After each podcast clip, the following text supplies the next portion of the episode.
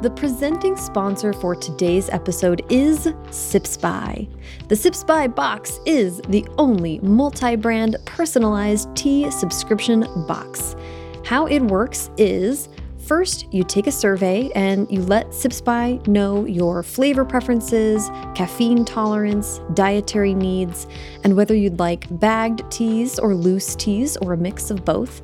And then each month, Sips By will match you with four delicious teas from over 150 global tea brands, big and small, based on your unique preferences. Gift cards and subscriptions are available at www.sipsby.com. And First Draft listeners can use the code DRAFTSIPS for 50% off your first Sips By box at sipsby.com the latest tea emergency uh, around this way is that my housemate tested positive for COVID. Unfortunately, she's doing okay. She just has a headache and cough, and it's all right. But it does call for some non caffeinated herbal deliciousness, um, you know, to make her feel better and to soothe my nerves as I sit in the other room and try not to freak out. It's all gonna be fine, but Sips By really came through in the clutch here. Sometimes you just need that afternoon comfort, and that was great just know I had a lot of options. Be sure to follow at SipsBy, that's at S I P S B Y, on Instagram for weekly giveaways and more. And don't forget to use the code DRAFTSIPS for 50% off your first Sips By box at sipsby.com.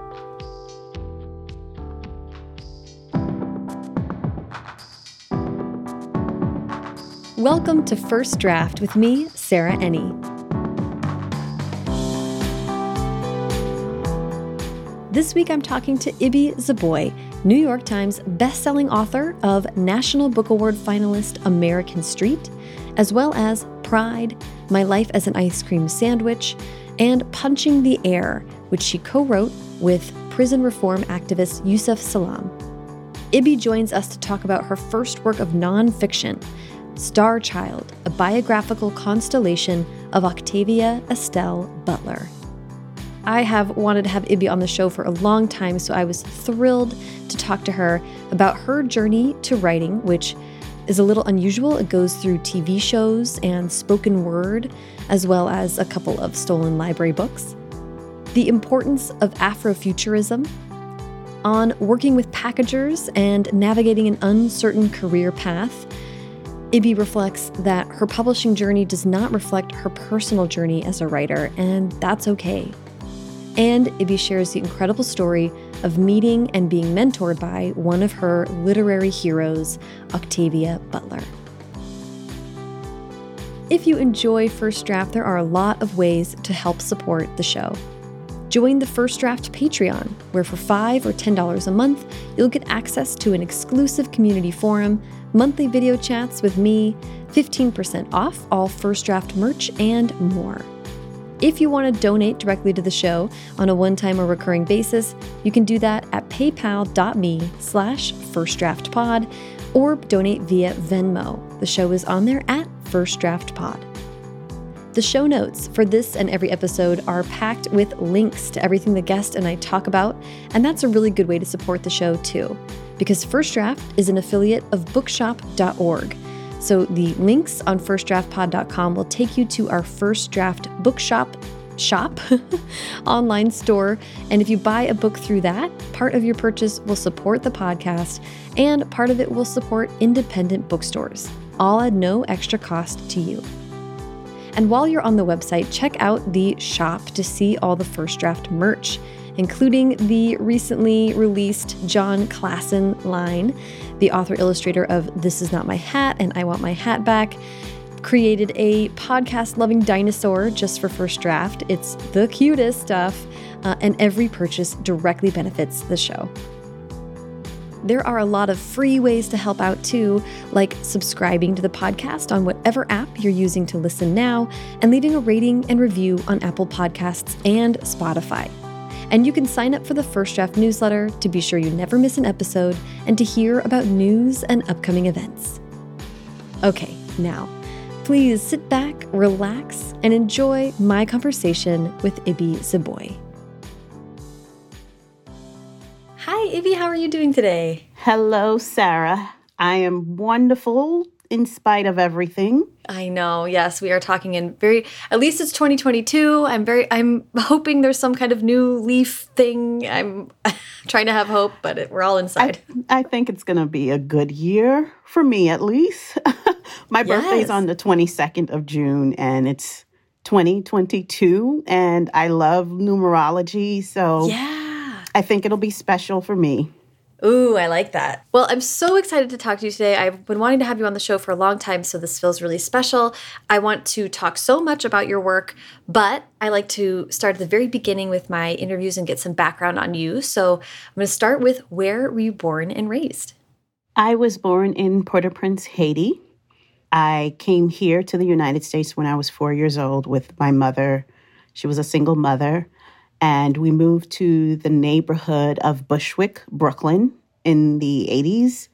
And I spent some time in Bushwick, moved around to a couple of neighborhoods in Brooklyn, spent my high school years in Queens. From there, I got married and moved to Brooklyn again. And now um, I moved up in the world. So now I'm in the suburbs in New Jersey. Oh, nice, nice, amazing. So, and we're, I will come back and talk about some of that with American Street because I know there is some parallels to your kind of upbringing and, and then that breakout novel that you had. But I'd love to hear about also reading and writing and how that was a part of growing up for you. Writing was more part of my upbringing than reading. Mm. I would say listening and writing and watching TV. you know, I got a little teary eyed. I was sad to hear about Betty White's passing. It was emotional for me because I was watching The Golden Girls at nine years old. And I think I remember the pilot episode. And I'm bringing that up because TV was a huge part of my upbringing. And I always feel somewhat uncomfortable when asked about what's your favorite what was your favorite book as a child because I have to bring up so many other things before I talk about my reading life. I have to bring up the fact that there were no bookstores in my neighborhood. I have to bring up the fact that my mother was a single mother and um, going to the library was not part of like a weekly or biweekly or monthly ritual. We I remember I can remember going to the library once, twice or three times and there was not enough time in her schedule to have me return the books. Mm. So I do remember having just library books in the house that were unreturned, and her probably having a lot of anxiety from the bills. Right. And um, having to pay and then not having the time to return them. And I always talk about that when I'm talking to librarians to think about working class or immigrant communities who have such a fraught relationship with libraries. And I know I, as an adult, I worked with libraries to do programming for teens in the summer. And libraries were a source of information, um, job information using the internet, and babysitting. Mm-hmm, mm-hmm. uh, so, in that sense, I wish there was more conversation around how poor working class and immigrant communities use the libraries in their neighborhoods and how it can be look different for different um, populations. I still have library books from my high school library. If I loved a book and I kept it, I have I have them here.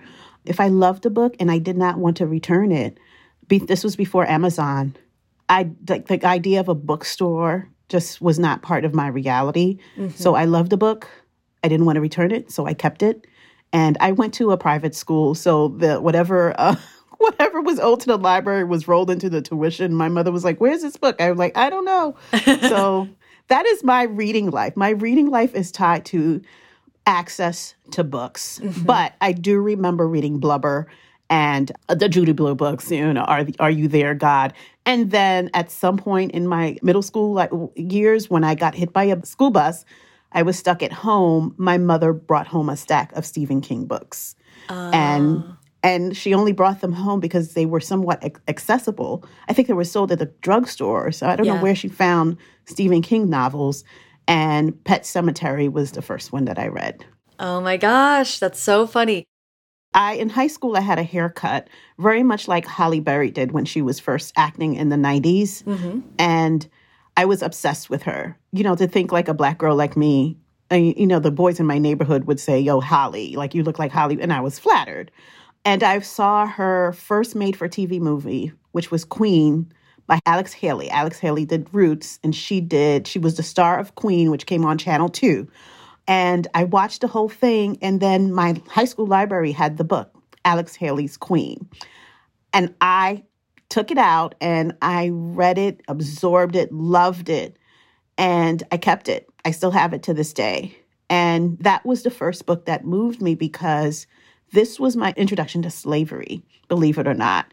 I was a junior in high school or uh, sophomore, junior in high school. And this was where I was able to grapple with slavery on my own terms. Maybe it was mentioned in my classes, but I went to a predominantly white high school. And I don't remember it being mentioned. If it did, it was within the context of the Civil War. And this is the 90s, of course. Um, so this was this is the first book that I really understood what slavery meant to me and my history. And I was able to go through that process on my own by reading like a very big book that was connected to a made for TV movie that was connected to a Hollywood actress. I want to ask about what you said about listening and writing. I'm so interested in just kind of the the part that listening has played in the development of your kind of storytelling self or childhood. So when I say that we, you know, my home was not with, we didn't grow up with a lot of books, that doesn't mean that we didn't grow up with a lot of stories. I am Haitian and this is how we tell stories uh, jokes, stories. At the time when I was a little girl, the Haitian dictator was being ousted, and Haiti was on the news every other day. And it was a moment. Haiti came on the news. My mother, relatives would come up and somebody would call and go unpack what was happening on the news, and people would add to their stories. But it was a lot of political conversation and uh, reminiscing on how things were back in the old country. And I think that's very similar to a lot of immigrant households, you know, whose native countries are in turmoil. It was always part of daily conversation. My mother was a radio journalist um, in Haiti. She was a broadcast journalist, and that's not a very safe job to have under a dictatorship as a young woman. And I have photos of her in radio stations and reporting the news. And my father owned a radio station. Wow. So even to this day, my mother is so opinionated about politics. So this is what I heard. Um, and this is it's some of the things that is in, uh, that are infused in my stories and the books that I, I, I am currently working on. So this is what I mean by listening. Um, I was a little girl just hiding under a table or just in a corner somewhere, and you can't help but hear these stories that were all about politics and corruption and history. Mm-hmm. Right. But so when did writing or expressing yourself through stories really take hold? I can't remember a time when I was not writing. I had a lot of penmanship notebooks that were mostly empty at the mm-hmm. end of the mm-hmm. school year. And it was my job to finish, like, right until the last page. And what would I write? Stories. I would write letters to myself. The first stories I wrote were about my classmates mm. and um, soap operas around because I watched a lot of soap operas during the day and I just imagined them, my classmates, as older, as adults, and who would be getting who with who, and that sort of drama. That's so Amongst my, yeah, I wish I kept them. That's so interesting. So I would love for you to kind of take me through the evolution of yourself as a as a writer and finding creative writing, uh, kind of to taking it more seriously as a young adult. The evolution of myself as a writer is also I would also bring the fact that I I felt for, first fell in love with genre fiction, science fiction at the same time. It wasn't writing itself; it was types of writing and types of stories. So my fir- I fell in love with writing and reading, re- uh, being a critical reader, meaning reading nonfiction books when I mm. became a spoken word artist. And it's important for me to talk about these because I don't see my sorts of journey reflected in the larger publishing world, but it is in my friend groups and in my community where I was a college student in the late 90s, early 2000s, where there was a huge underground spoken word movement in New York City. And it was so fun. Everybody looked amazing. Erykah Badu was part of our community in Brooklyn, Fort Greene, wow. Brooklyn. Common, uh, who would hang out in Brooklyn at the time. So there were these kind of just like artsy black people and artsy black kids who dressed differently. And I was part of that group. I was like, you know, I was younger, but I was in the audience and I was doing spoken um, open mics. And it, within that setting, you cannot not be a reader. You mm. cannot not be a critical thinker. Those are what will fuel your poetry. Uh, so for me, it was after high school, I transferred from a private college to a city college, Hunter College in New York. And every Friday night there was an open mic. There'd be on Saturdays and Sundays, it'd be the open mic followed by the after party. And it was like the, you know, Black, Latinx community, the queer community, all in one space, really just like way left of center kids. So in that sense, I I had to become an avid reader, reading about things that I've never thought, you know, I'd be interested in, and um, drinking soy milk um, and wearing crystal deodorant and stuff like that. I was a hippie. Mm-hmm. I still am at heart. I still am. um, so, and I part of becoming an, um, a spoken word artist is testing out your art in front of an audience you get feedback immediately. And the poems I was moved by were the kind of like the extraterrestrial space travel type poems, like where the person reciting it sounded like they were tripping on acid with 60s hippie terms, right? Mm-hmm. It was just out of this mind. And one of those artists was Saul Williams. I love Saul Williams, who's probably in LA now. He's an actor and musician but he would just write these epic poems just not being about being an alien about not being human those sorts of poem elicited the most like enthusiastic response from the audience and i tried my hand at it and within like this idea of writing like space poems like sun ra's space jazz people were talking about octavia butler you have to read Octavia Butler. Octavia Butler was just an icon within those spaces 20, 25 years ago. So, within the context of spoken word poetry, was where I was introduced to science fiction. And from Octavia Butler, I discovered Ursula Le Guin. And there just happened to be a feminist science fiction course at my college. And I was taking like 19th century fiction, reading Austen and Bronte sisters, while also taking a feminist science fiction course, reading Handmaid's Tales and uh, her, there's a novel called Herland, and also reading Left Hand of Darkness by Ursula Le Guin while reading Octavia. But we were Dawn in that class as well. But then I went and looked, looked for more of Octavia Butler's books while writing science fiction poetry. Amazing. so yeah, so this was it was just the, what the, it was a movement, and it was my peers who were all doing the same thing, and they inspired me to read more and learn more about a specific genre. Yeah, I love that. And I wonder if now is, we're going to get into this a little bit more, but I wonder if now is maybe a good time to introduce the term Afrofuturism and just have yes. you kind of discuss a little bit about, for anyone that's listening that isn't familiar, can you talk about what that term means and how it, that sounds like, you know, this is what you're describing is like the creative force behind that. Yeah, absolutely. What those poets were doing was absolutely Afrofuturism so um, in Star Child, I do mention the the person who coined that term, and then there was another someone else who made it popular. Um, but Afrofuturism is the idea of Black art and Blackness, Black music, Black literature interacting with the future. Anything that thinks about the future or places Black people in the future is Afrofuturism because we have not seen ourselves in science fiction. Uh, we have not seen ourselves in the future. And the first indication that Black people are in the future was Gene Roddenberry's Star Trek with Nichelle Nichols playing Uhura. Then and then uh, we don't see it again for a while. I, yeah, there know, was a gap. yeah, there, there, was a gap. Or if we do show up, it's probably like Hara, where the the black the first person getting killed is a black person. But then it's not until 1981 or I think 1983 where Guion Bluford becomes the first black man in space.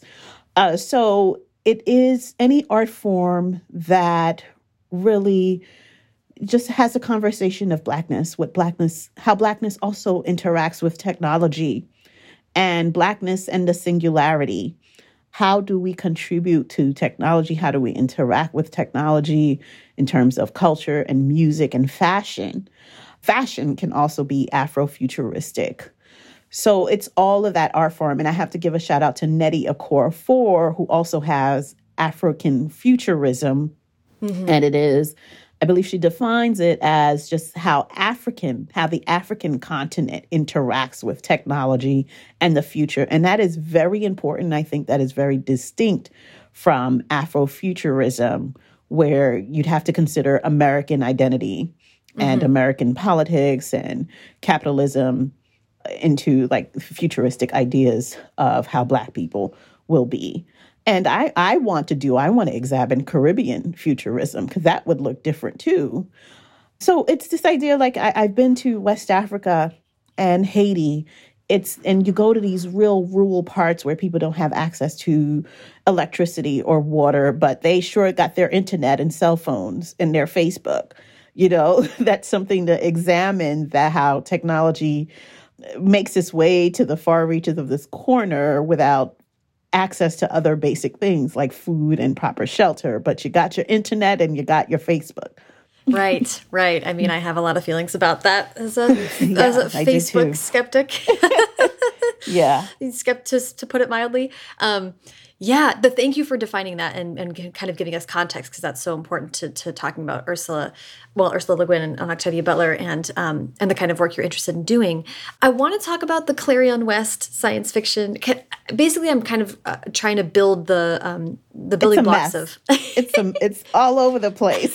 I love it. I'm just kind of trying to lead us through to you actually getting the opportunity to to publish and to find out that your that speculative fiction was what you were doing yeah, this so I was always doing speculative fiction.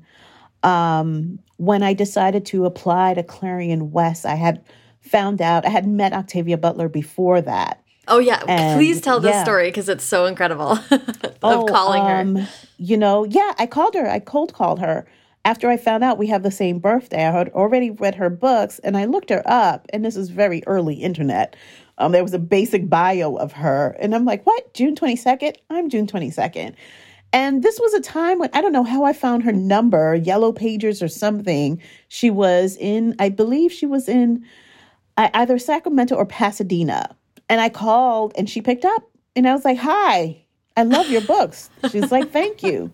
And you have to understand this is before the internet. She you know, it, you have a few books out there. She was not a New York Times bestselling author. Mm-hmm. I believe she had already won the MacArthur Genius Grant. So, you know, she it was fun. She was accessible. And she encouraged me to keep going. And she then, I think uh, a year later, a few months after that, she was doing a bookstore signing at a bookstore here in, in well, in Brooklyn. I went, I waited to say, like, to chat with her I had her sign my journal. I still have that signature. Aww. And I waited around and she was waiting by the curb, waiting for a cab. And I was like, hey, where you guys going? She's like, Manhattan. I'm like, I'm going that way. You know, might as well hop in. and I wasn't going to Manhattan, but I ended up dropping her off at the hotel. And that night she won the Nebula for Parable of the Talents and then a year after that, I got into the Clarion West Science Fiction and Fantasy Writers Workshop, which she had attended when she was my age, 30 years prior. The Clarion in Michigan. There was a Clarion in Michigan and a Clarion West in Seattle. I got into Clarion West where she was uh, teaching. And it just happened to be the week that she was teaching. That Friday was her birthday, and it was my birthday. And we celebrated together, and that's where that photo um, comes from.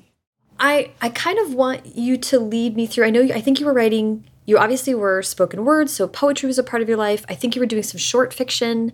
I would mm -hmm. love mm-hmm. for you to kind of lead me through that and then um, the evolution of actually writing your first novel in American Street, or that's published. Right. So I did get my first story published was in Dark Matter Reading in the Bones, edited by Sheree Renée Thomas, who had put out the first collection anthology of African American speculative fiction which was groundbreaking at the time. It came out, I believe, in 2001, and the Reading the Bones, the part two of that anthology, came out in 2004. So it was groundbreaking because people were like, what? Black people write science fiction? And I remember being at Clarion West, and there were some men in my class who did not know Octavia Butler was black until recently because her covers had white people on them. Early editions of Dawn and her first few novels were just regular run of the mill paperback science fiction covers. In that sense, the Dark Matter anthologies were really groundbreaking, and I submitted a story that I had written at Clarion. So that was in 2004. I was I became a mom. I became a mom and had children back to back. I was writing all the time. I was trying to sell short stories within the genre. At some point, I fell in love with fantasy, middle grade fantasy. And then the vampire stories started coming out. The first novel that I fell in love with was A Wrinkle in Time. I read it as an adult, not as a child.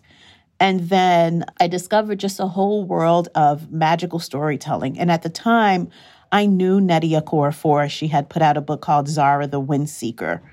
And I wanted to do what she was doing for Haitian girls or Caribbean girls. And I was trying my hand at that. So the first novel that, like the novel that I finished, was a middle grade fantasy called The Underground King about an underground group of black fairies who were trying to usher some like rough kids to like freedom through an underground railroad system. Terrible, right? but I can tell you that someone said they have something similar um, when I pitched it to an, uh, an editor. And you know what that book was? Was Suzanne Collins' The Underland Chronicles. oh my goodness! Whoa. Before this, and this is before the Hunger Games. Yeah, right. I'm not saying that it was good. I'm just saying that somebody said, "Oh, well, we have that, and it's probably much better than what you have." But we have something like that already, and I didn't know about it. So I was writing middle grade fantasy in 2006 until 2007 that I know for sure would sell right now. Right. No doubt about it. Right. And then I went into um, YA I was writing another kind of fantasy, reality based fantasy using Haitian folklore and a girl in Brooklyn and using some of the same uh, Caribbean mythology called Bandit. Um, and I started writing that around 2008, 2009. 2011 was when I applied to something called the VONA, Voices of Our Nation Arts Foundation, right there in Berkeley. And it was started by Junot Diaz and I was working with ZZ Packer. And I still was working on, it was called Bandit, YA Fantasy in 2011.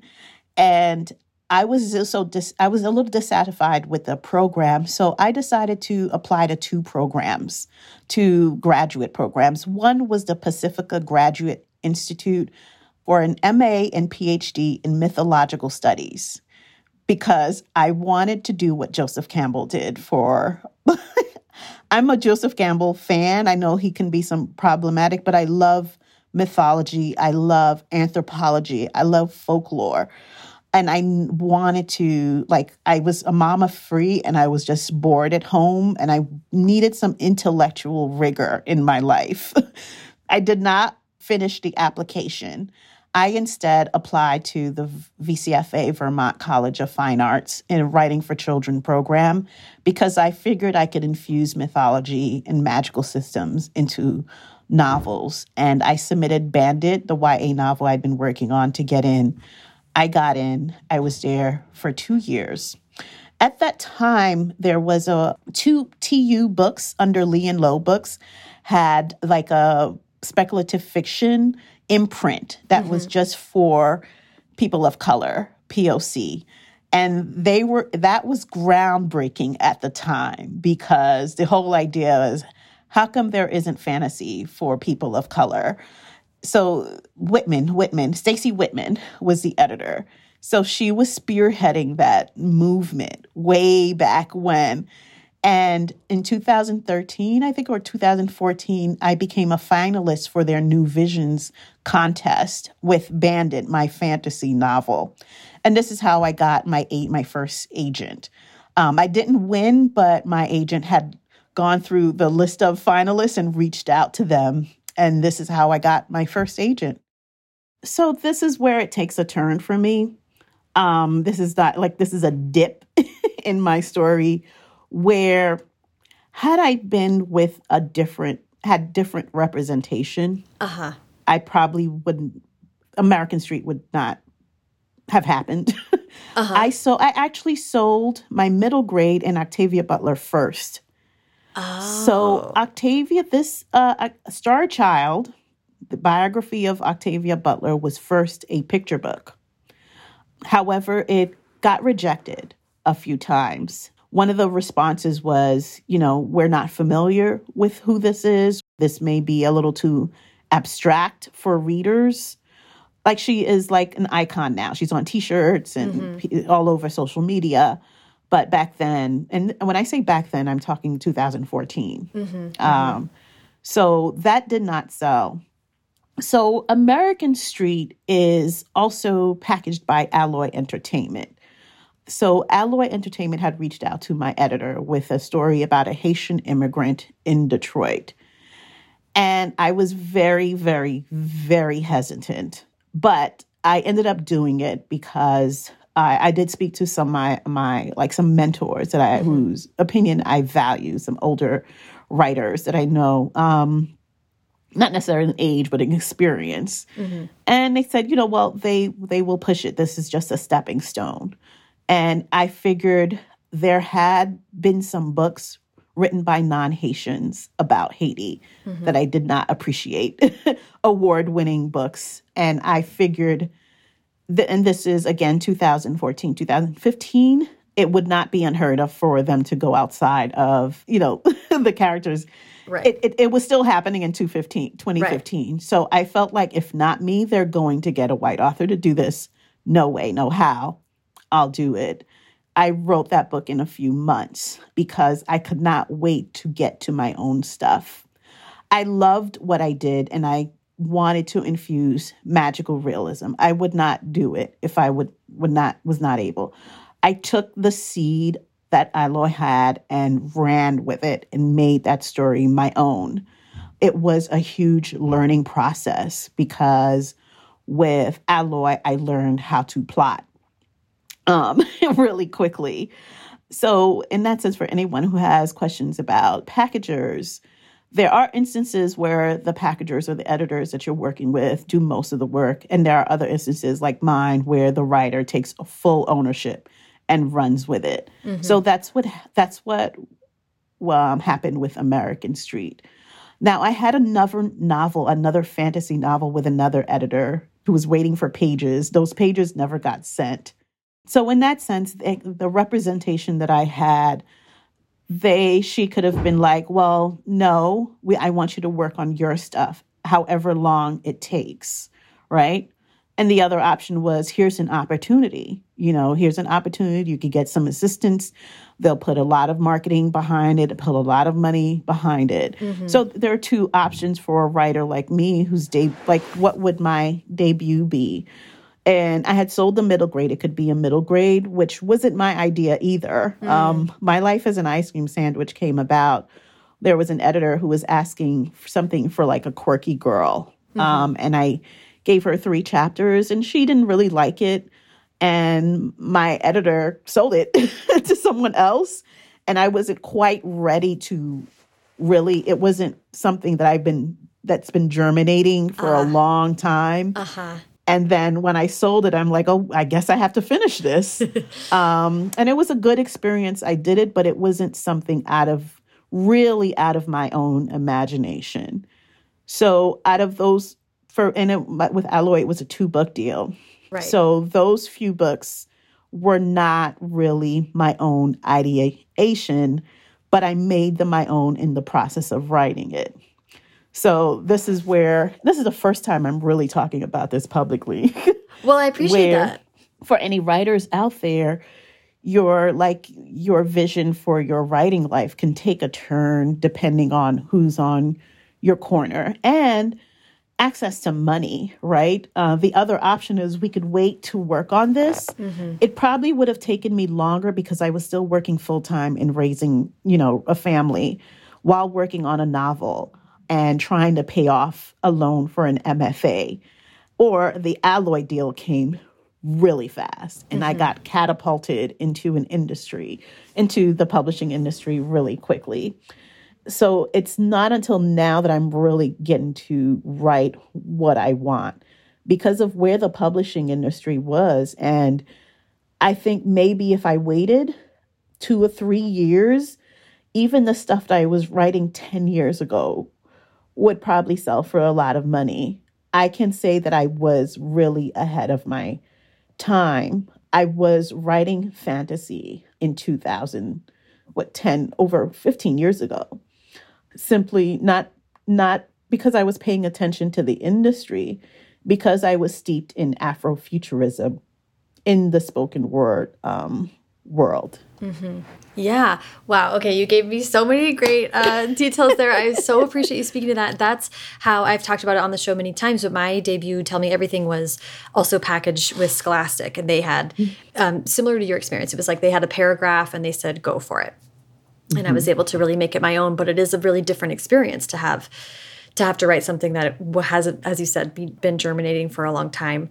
But American Street, and actually, before I ask you a few more questions about American Street, do you mind um, pitching that book for us?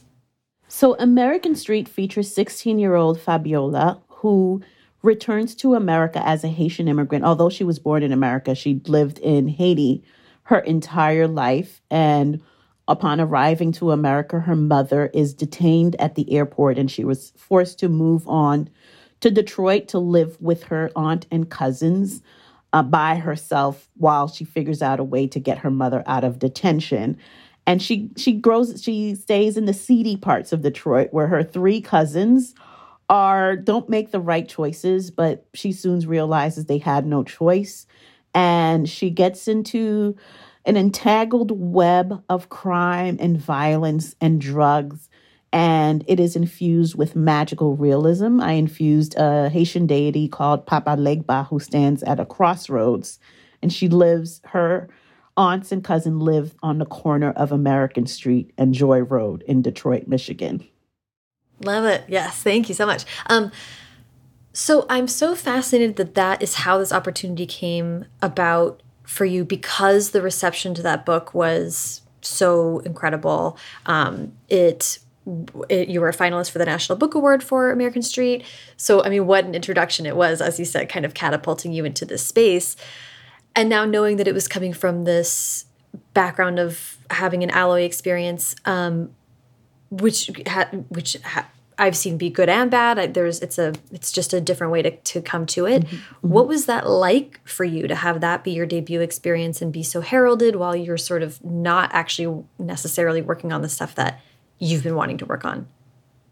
Wow, it was a mixed bag for me. Working with Alloy was very good because I I liked the story that I was working on. Certain elements I was like, mm, I wouldn't do this myself. The, It was violent, mm. but then I got into the world of Detroit and mm. it was true. I was telling a true ish story about how teens grapple with violence in certain spaces. And it is part of my growing up in New York City in a disenfranchised community. So I learned a lot from my editors. My editors at Harper, uh, who I still work with, it was so great that I still work with Alessandra Balzer, and the the speed was very. I worked well under pressure, it was, I wrote that book in about six months. I think I started working with them. It must have been April, May. It sold in September. I finished it finally. Like I finished it, finished it in December, copy editing and all. It's February, you know, it's a year out. And then the second book, it was the Too Big Deal. Pride, um, Pride was harder for me. I love the story I was telling, but I was trying to make it cerebral when it's not a cerebral story. yeah, Pride and Prejudice is kind of just a soap opera, really. And yeah, and that is actually it is my least favorite book um, because I wanted to say so much more mm. about love and romance and class that book about 30 40,000 words was cut from mm-hmm. um, right. but I love the final product it's it is something that I did however it's not the sum total of who I am as a cerebral writer mm. I love how people connect to the book I would have loved it as a teen It mm-hmm. is, it is more like 16 year old me it's that so as like a 30 40 something year old it's just like yeah, that's 16 year old me would have loved it. that's great. Uh, so, uh, so the, the alloy process was excellent. The hardest thing for me in my debut year was the show, social dynamics. Mm. As I explained to you, I like studied with Octavia Butler. I was being mentored by Edwidge Danticat, a MacArthur genius, Haitian American author, amazing, amazing person all around. ZZ Packer. I've done so much work to get my sentences right as writing from an immigrant as an immigrant. So much work um, sitting with um, Black women authors first and foremost. I sent my first query letter out for that book called Beast of Prey in 2000, mm, two, mm, 2000. Wow. and that agent was Tanya McKinnon, who's still an agent now. I met her at a at a festival and I took her number down and it was my my stuff was terrible but I was trying at that point for what is it uh 15 years and I felt like you know I had was working towards a PhD at that mm. point having an MFA socially I felt like I got thrown into a middle school cafeteria um, uh-huh. so, so uh-huh. no shade to middle school cafeterias. but the social dynamics, the, you know, are great. However, I was coming from a, I mean, the social dynamics are great for what they are. Uh-huh. Um, but I was really coming from a very different headspace.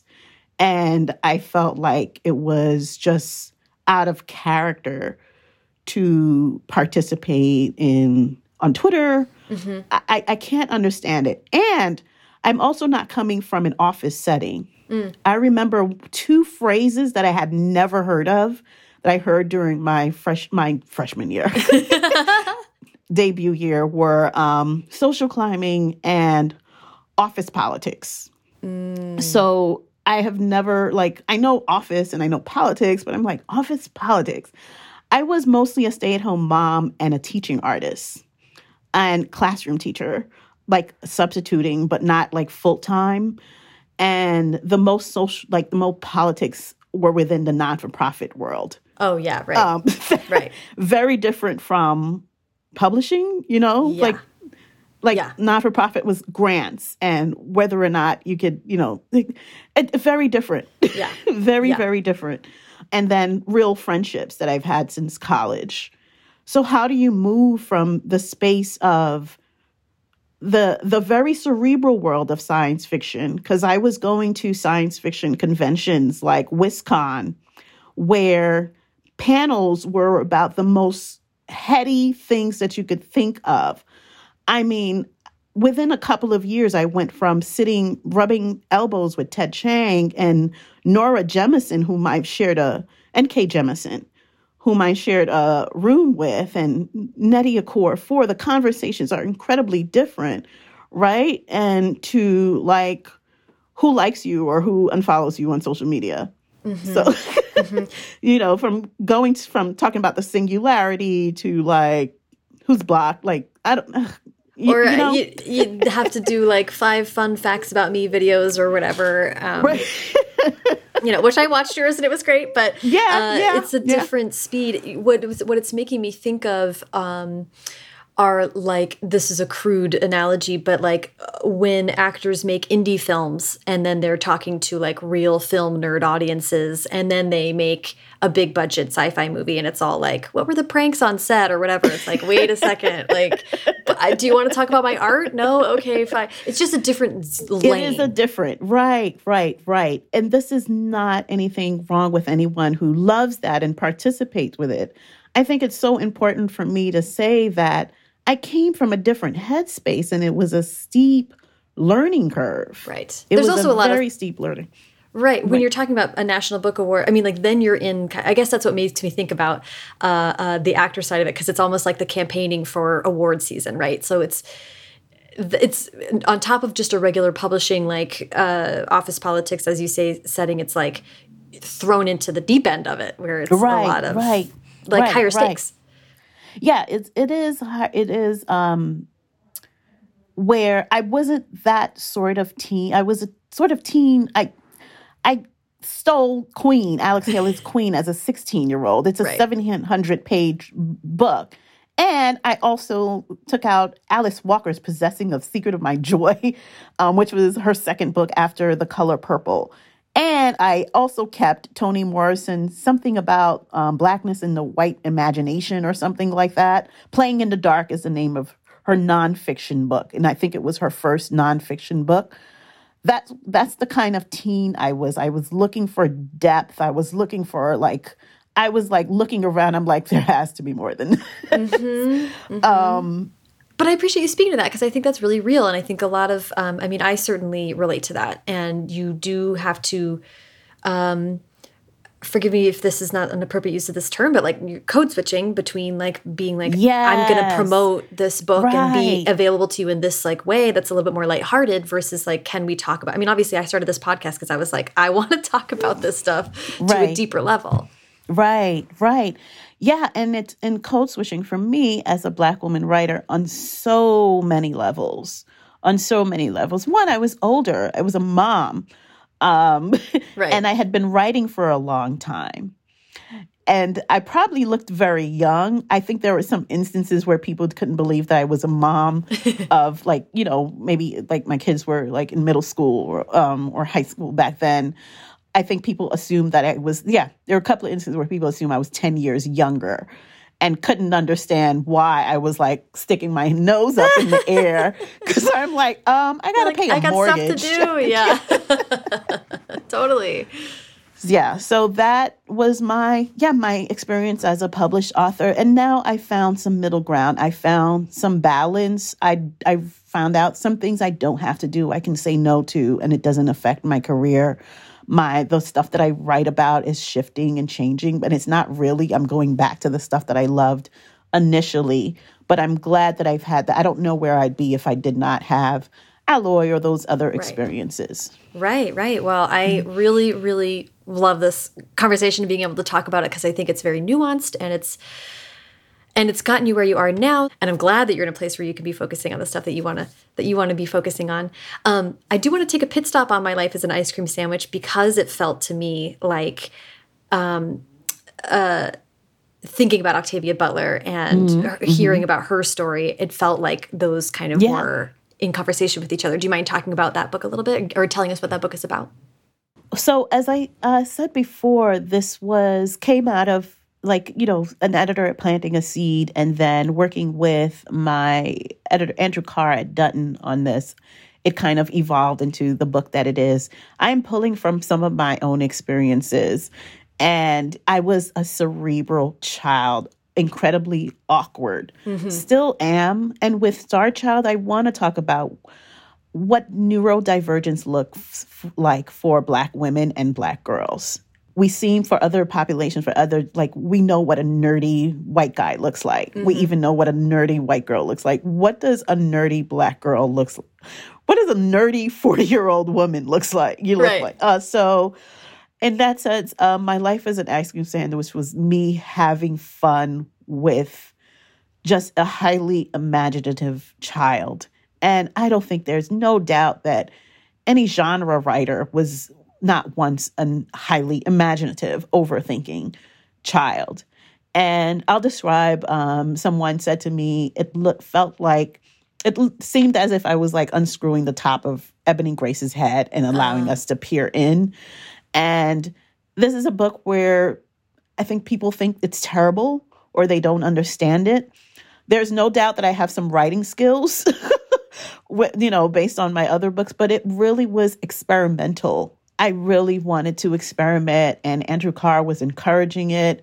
You'd have to understand the intersection between Black music and Afrofuturism and sci fi. Uh, and I was trying to stuff that into a middle grade novel through the experiences of a 12 year old girl. And it was triggering for me because I was an immigrant growing up in New York City. I had different cultural values and I was nerdy. I said the wrong things. I did the wrong things. There was a rhythm to play culture in New York City that I could not grapple with as a child. And I was trying to portray that in the book. I was incredibly spontaneous. I don't know if I was a if I was a little girl now, if someone would say that this is who you are. Mm. this is mm. something maybe you have some wrinkles in your brain or something like that. But it was just being an awkward, strange child. I remember being. These were the things that Octavia Butler experienced as well. In her own words, I read them of her being called slow and backwards and to think that a child that used to be called slow and backwards is a genius. And how do we think about how genius shows up in children? And by genius, I mean we all have different definitions of genius, but she was she was seeing the world with through different eyes. She was thinking of the, about the world in a very different way. And you could see how she wrote letters to herself and notes to herself that something was different up there, you know, in her mind for pages and pages and pages. You know, um, maybe you didn't have to do that. I didn't have to do that, but kids had to do that where you had to write the same thing 10 times on the board. Right, yeah. Sort of I didn't have to, but punishment. I know that. Yeah. Yeah, she did that for herself. She she wrote I think she may have written I will be a bestseller like a hundred times on different pieces of loose leaf. Mm-hmm. Mm-hmm. And she plotted out exactly the amount of money she would need to earn to make rent if she sold a story per week or two stories per week. And she approached writing as a business, as a money making business. I need to sell this amount of stories to be able to eat this month. And you see her working it out like a math problem. Mm-hmm. Yeah, and actually that's so funny because this um, I printed out the PDF of the of the arc, and this was a page mm -hmm. that I this is on the other side, but um, yeah. I I took this out just to make sure that we talked about it. What I'm holding for the audio audience is. Um, a note that Octavia Butler wrote to herself when she was still an aspiring novelist, and it's so. First of all, her talking about penmanship, her penmanship is mm impeccable. Right. Um, I am a best-selling writer. I write best-selling books and excellent short stories. Both books and short stories win prizes and awards. Every day in every way, I am researching and writing my award-winning best-selling books and short stories. And it goes on and on. And at the end, it's like all of her it's like now we talk about this as manifesting, right? Mm -hmm, She's like, mm -hmm. I have a home in Santa Monica. I own it. I pay all my taxes without effort. It was just like so striking to be like this would probably we'd all maybe be mentally healthier if we were just like being so clear about our goals and like really right. encouraging ourselves in this way. And this is something she was practicing since she was seven years old. There's an index card, and I have the photo of her index card listing out her possessions. Wow. So she loves lists. And then you see that little bit I have a desk, a comb, uh, I am nine years, seven months, and three, you know, I kid you not. And then you see in her journals that that sort of sort of strategic way of uh, um, laying out her goals and laying out her vision progress. So she wrote that as an adult, but as a teenager, she was just writing, "I will, I will, I will," and and she was and there's a part in the book where you see her trying to get into a writing workshop trying to get help on her writing and being very strategic about that it is a it is sort of a it is a sort of genius to be like, this is what I want to do from a very young age and sticking to it. Mm-hmm. And she wrote down there were three, and I don't want to misspeak and say the wrong names, but she had a list of three white male authors that she wanted to aspire to. Hmm. And they they were for different things, for the money, for the hmm. notoriety and for the um what do you call it? The, the pro, being prolific. Uh-huh. So she had a vision for herself all throughout her life. Yeah, it's so moving mm-hmm. and really just fascinating. As you say, just a genius in, in that she is really has this very unique view of the world and way of interacting with the world that right. sets her apart. Right. Um, and that was what I was thinking about with my life as an ice cream sandwich that you sort of you being given the opportunity to explore a little bit of how you must have felt as a young person but also it's so reminiscent of Octa octavia butler's childhood. And mm. the ice cream sandwich is a term used to describe like a young black woman nerd right? Because right. it's because and this gets to the heart of afrofuturism because being obsessed with science and the future is quote unquote white. Mm -hmm, and mm -hmm, -hmm, afrofuturism is pointing at the like insanity of that as a concept, like associating the future with with white and how problematic that is, and un, un, like grappling with exactly. tearing that down. Exactly, you perfectly stated. Um, so yeah, Ebony Grace being an ice cream stand, having white quote unquote aspirations of being wanting to be an astronaut. It's interesting. I have to say this that I pulled playing in the dark out in high school, and it's Toni Morrison talking about how white the white gaze, how blackness or black uh, people are viewed to white readers. And I did pay attention to how Ice Cream Sandwich is received, where there isn't no hum ho humdrum racism in the story. But this is a girl grappling with her own imagination and visions of the future in the same way that Octavia was grappling with her vision of the future and in her notes in her letter papers is um, teachers remarks to her writing at a very young age that she she her stories need to be more grounded was what a, a teacher had said. And there was this idea that she was not smart um, because of that right? So i'm bringing all of that to the middle grade and i was working on the octavia butler book simultaneously oh, too. interesting while also working on other books, but I'd always return. It took so long. I sold Star Child in 2015, and of course, it's coming out this year, 2022. So it's t- because other books came in um, between. Uh, so that has always been like a heart project because it is also like me. And I'm not saying like, oh, Octavia Butler and I have the same birthday in a very superficial way, but I do believe in like co- like cosmos and the stars mm-hmm. being sharing similar things, you know, um, just June 22nd or cancers being on the cusp of cancer and Gemini. Like we have, we are equal parts communication and equal parts feelings, right? Mm-hmm. so that merges in the middle where you're both cerebral and intuitive. And I see that in Octavia's papers. And this is the character, Ebony Grace, that I created too, where it is modeled after me of just being so um so connected to larger ideas of what it means to be human. Mm. You know, I remember as a child and I still do it to this day where I sit down and think about who am I as a who are we as humans and be like how do we do this? How do we manage to pull this off? What are we?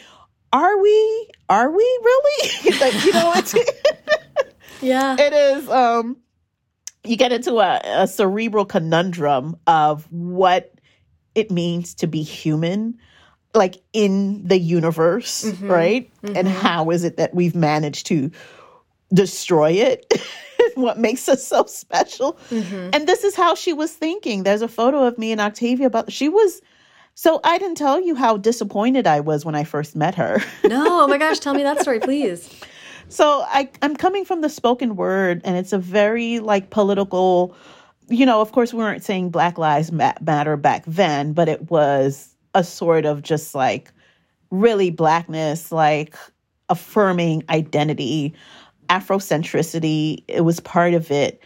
and really like looking to Audre Lorde and Angela Davis. Um, I was reading their works. Bell Hooks, who just passed away, were part of my literary foundation.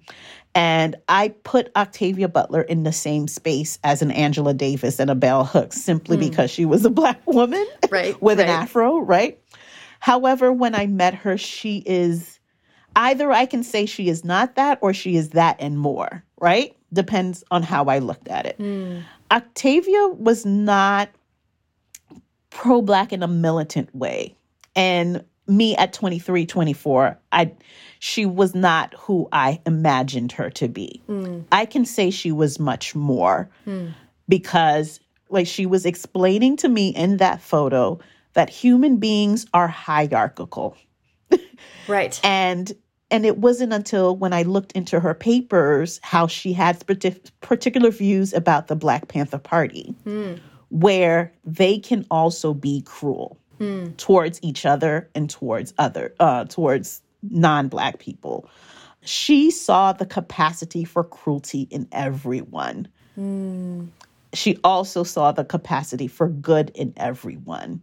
Yeah. And in that sense, this is how she was larger than life in a sense. Because she was saying, so there's a quote in there. She was saying, no matter how small the group, there will always be a smaller group outdoing one another. Mm-hmm. So this is what she meant by hierarchical. You go, you could have like a bunch of black people fighting for the same cause, but within that group, you'll have the men trying to take over, you know, you know, or the masculine men trying to take over some you know, alpha males versus like, you know, the different type of men. So with just she was saying there's always a pecking order. And within because of that, we're gonna destroy each other. If you don't, if we do not um, grapple with this idea of us being hierarchical. Mm-hmm. And that's a different way of, and me at 23, I'm like, what? No way. that, right, right. But yeah, I soon got over that and understood that her thinking was along the lines of humanity versus extraterrestrial life, mm-hmm. as mm-hmm. opposed to one race over another but and then she saw that and that is very woman of her. Like by woman, I don't mean to genderize her, but in terms of just thinking holistically in that way. I don't want to say woman as the gender, right? Feminine as a principle to its life affirming, you know, to understand that humans can be destructive and we have to find another way. Yes. So, yeah. I was reading something recently that was using, um, they were saying feminine. I'm going to forget it now, but it was like feminine approaches to basically that that when we say feminine, it means collective, and when we say masculine, it means the emphasis on individual. I think it was yeah.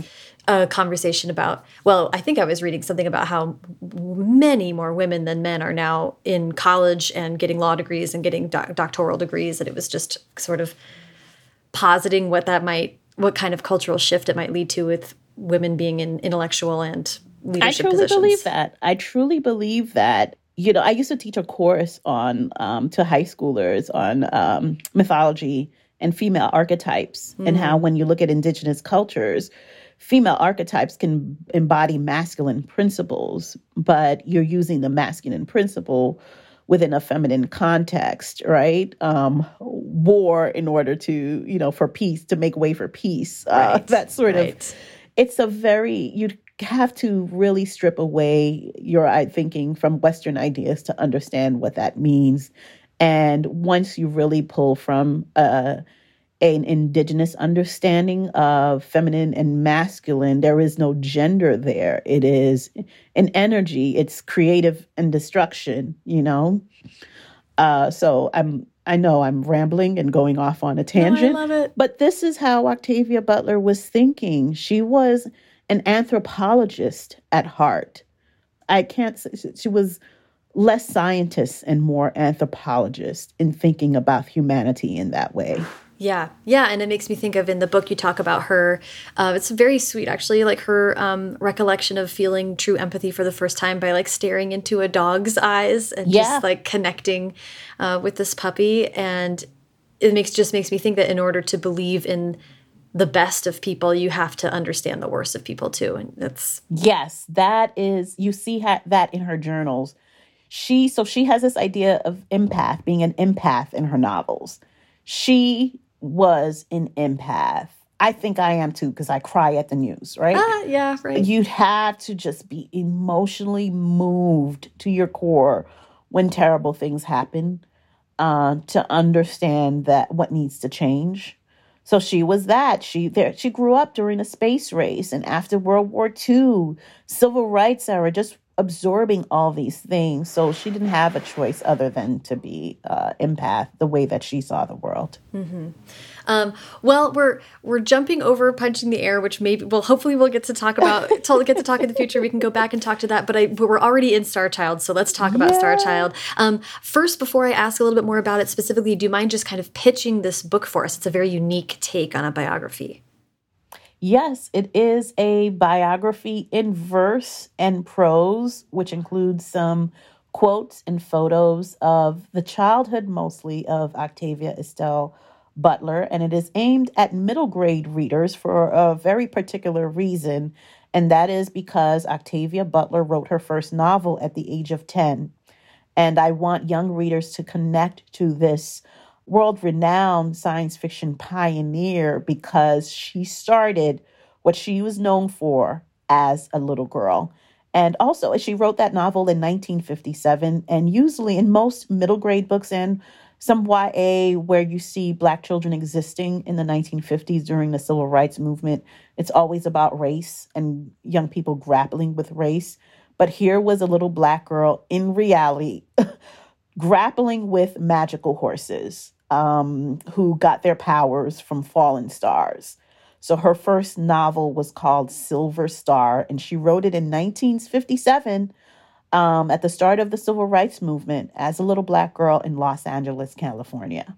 Yeah, right. And, and there's um, incredible uh, the images that are in the book add, add so much to it as well. And there's a excerpt from her journal with a drawing of the horse, and I just love yeah. that she went to the. I think it was the story that she went to the library and got a book on horses and a book on space. It's like yeah. there you go. um, and I love that it's aimed toward middle grade. So I have. I want to start by just asking about the development because, as you say, you sold in 2015. What a journey! What's it been like and and how I'd love to just hear about how the book has evolved over the time that it took to write it.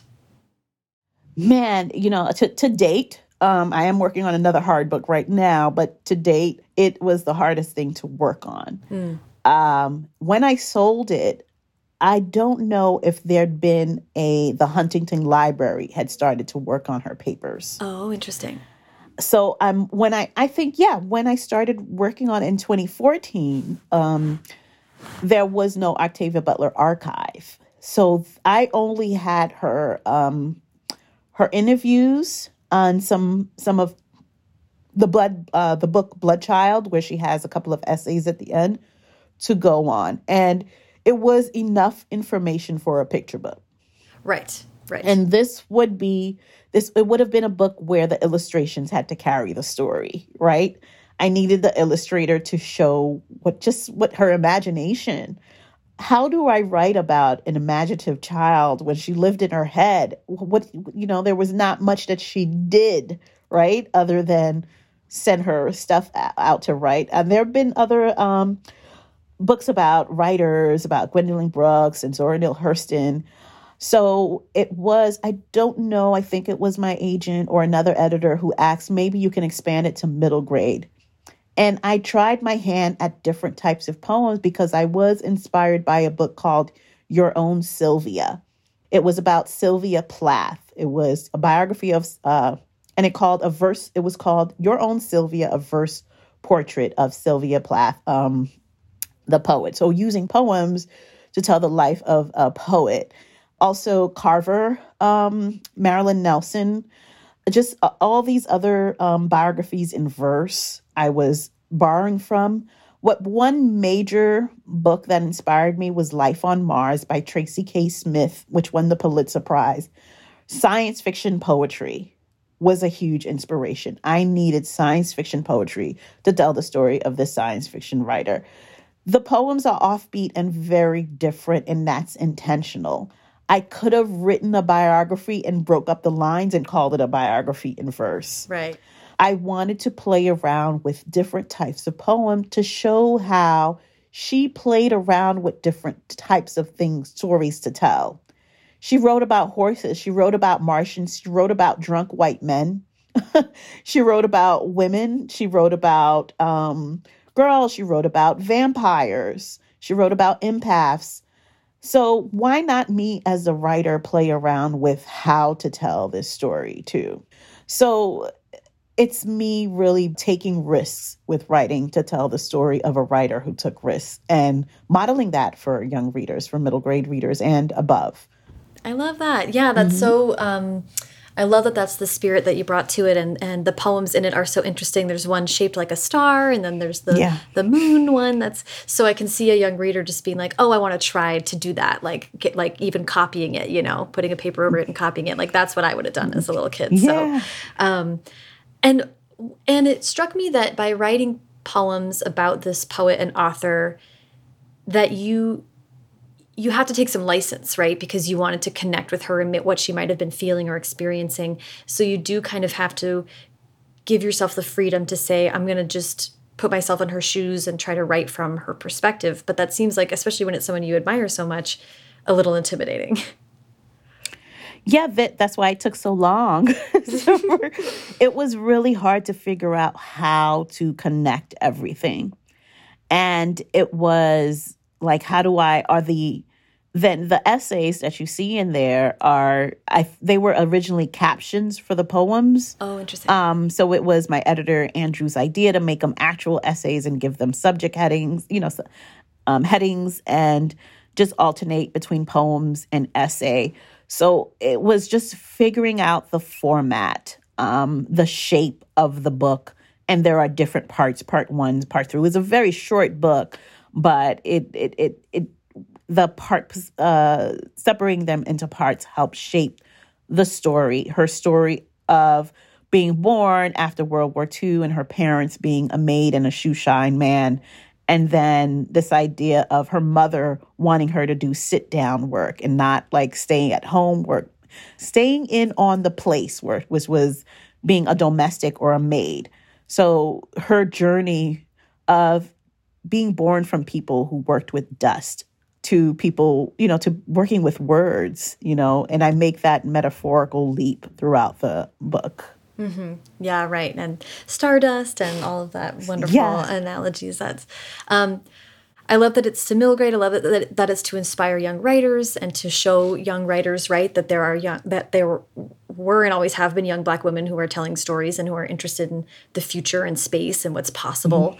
Mm -hmm. um, yeah, there was a quote um, from Octavia that I really loved. Uh, I made my own society in the books and the stories that I told myself, which I think speaks to what you're saying about how she thought about the world and what her books are about, right? That's the beautiful thing about science fiction is it's so much about structures and politics and and mm -hmm, all of that mm -hmm, with leaving space for hope and potential and right some key differences. So I loved it. I'm so glad to have been able to talk to you about it. I do want to give you the chance to talk about what else you're working on and what's, or, or before we leave it, is there anything else about Star Child that you want to make sure that we talk about?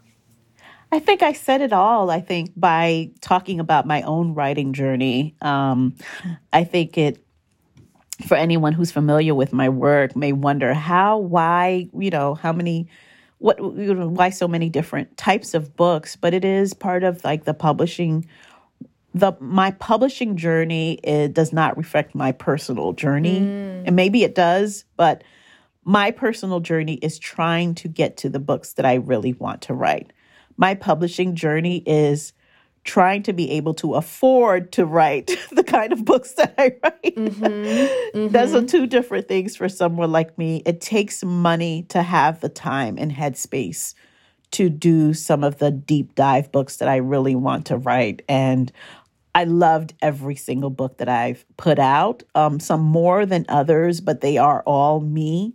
um, including Black Enough, the anthology, and what per- Punching the Air is something that came out of an authentic relationship um, in terms of, of my friendship with Yusef and caring about what he went through and what the other boys like him that I knew went through. So all of this is part of my writing journey and it is part of my personal life. However, it tells the story of finances too, needing to support, taking on projects to um, support myself. Um, Alloy came at the right time. I don't think I would have, I still would have been working on my novel had not, not taken and uh, made American Street my own too. So, saying all that to say Okoye to the People, which is a Marvel book, is right. my next book that comes out March 1st. And I took that and ran with it and made it my own too. And I was just like, Marvel, yes. I that book was sold in 2018. and I took my time with that for and it was pushed back because of the pandemic. But the novel that I'm working on now is my heart and soul. It's coming out 2023. It's taken forever because I put everything into it. So just know that this is a book that germinated from just me and my experiences, my own, you know, imagination. And I l- absolutely love what I've created. This is one of those things where I don't care what y'all think. This is mine and mine only. And you've earned the right to to write it both financially yes. and from a creative standpoint and yes. your foothold in the industry, right? Yes. Uh, yeah, that's incredible. Is it uh what age category is it? Oh, this is YA, okay. young adult. I'd love to be back to talk about it.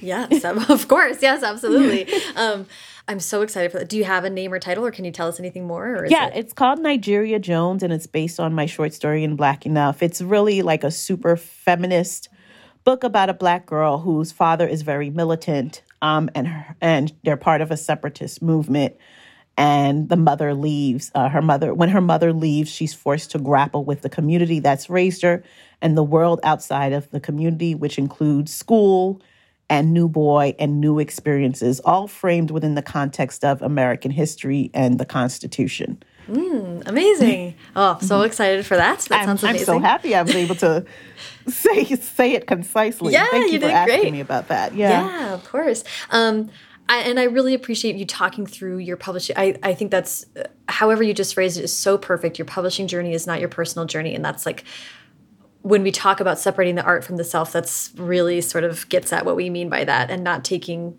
and just yeah, working towards being able to do what you really want to do. I'm, right. I'm right. personally taking that very much to heart right now. So, um, thank you. Uh, yeah, I I want to wrap up with advice you've already given so much great advice and i do show notes for all these episodes so you've given us so many books to go. I'll link to all the books that you've mentioned uh, that people can go check mm -hmm. out. Um, but yeah i would love to hear what advice you have for writers generally but also young writers of color who are interested in genre. That's just such a exciting like place to be right now but i wonder if you have any particular thoughts on young writers trying to break into that field. Oh wow. What a time. You know i'm one of those older aunties who'd be like, you know what, I wish, you know. um, but it like ride the moment. This is the time. I love the authors that are coming out. There's so many to me that I can't keep up, and I'm that's exactly what we need in the world with all the African and Black fantasy books coming out, and any other writer out there. Uh, it is it, it's a combination of read read the books that came out before. Um, it, there is something to be said about discovering books from 20 years ago or from 10 years ago. I love looking at the, I think the easiest way is to look at awards lists, you know, whether if you're writing literary, look at the Printz winners from a few years back. Um, if you're where, you know, or look at the bestseller list or the best of lists from a few years back and read the read read as much as you can and follow the trajectory of publishing. And it's not, and you do that not because you want to understand publishing, you do that because you want to understand humanity, where, we are as a species in terms of our understanding of other people and what we want to learn about. We were not here 20 years ago, 15 years ago. We were not grappling with fantasies set in other cultures. And that doesn't say it's not something that's just applied to the publishing world because the readers don't exist in publishing. They're buying the books and they're reading the books. So it is gauging humanity when you read the full trajectory of how far publishing has come. And within the context of older writers like me to know, like to say, like, oh, wow, you people like you could not get the stuff published. It doesn't mean that we were not writing it. It just means the doors weren't open. So read and read widely and develop a taste, a singular taste that is all your own. I love unique voices. And I had the pleasure of judging the National Book Awards last year, and I got a sense of what books were being put out. And I think the books that stood out the most were the ones with a singular voice that doesn't sound like anyone else out there. And they really stood out. So develop that, develop taste and your own voice. Oh, I love that. That's such good advice. And uh, yeah, it makes me think. I, I think it's Edgar Wright who is the di the director. I read an interview with him once where he was like um, telling young filmmakers, he was like, "Go watch old movies because nobody yeah. is watching them, and you can steal, exactly. you can steal from them, and no one will know, and you'll look like a genius." And I was like, "That oh applies to books. That totally so does." I'm, I'm reading books from the 70s and 80s and recycling some of those same concepts. So me writing feminist, like second wave third uh, third wave feminists and applying it to the Me Too fourth wave movements. Um, I got something there, I think, right? I love it. Yes. I mean, I read like this year, I read Lonesome Dove and like all these. I was like, I just want to go back. It feels like important and mm -hmm. useful as an artistic. Like, yeah. just to your point, I, I feel like, oh, I think this is doing something for my voice, like bringing in things that are a little bit different and uniquely interesting to me. And that'll all kind of create the sieve that my work goes through. That's, that's special to right. me. Right. Yeah, you're on the right track. Thank Yay. you. Uh, Ibi, this was such a joyful conversation. Thank you so much for giving me so much time this morning. I really, really appreciate it. this was long. Thank you so yeah. much. Thank you. Thank you so much to Ibi. Follow her on Twitter and Instagram at Ibi Zoboi. Follow me on both at Sarah Enni and the show at First Draft Pod. First Draft is produced by me, Sarah Enni. Today's episode was produced and sound designed by Callie Wright. The theme music is by Dan Bailey, and the logo was designed by Colin Keith. Thanks to social media director Jennifer Nkosi and transcriptionist at large Julie Anderson. And as ever, thanks to you, alien poets, for listening.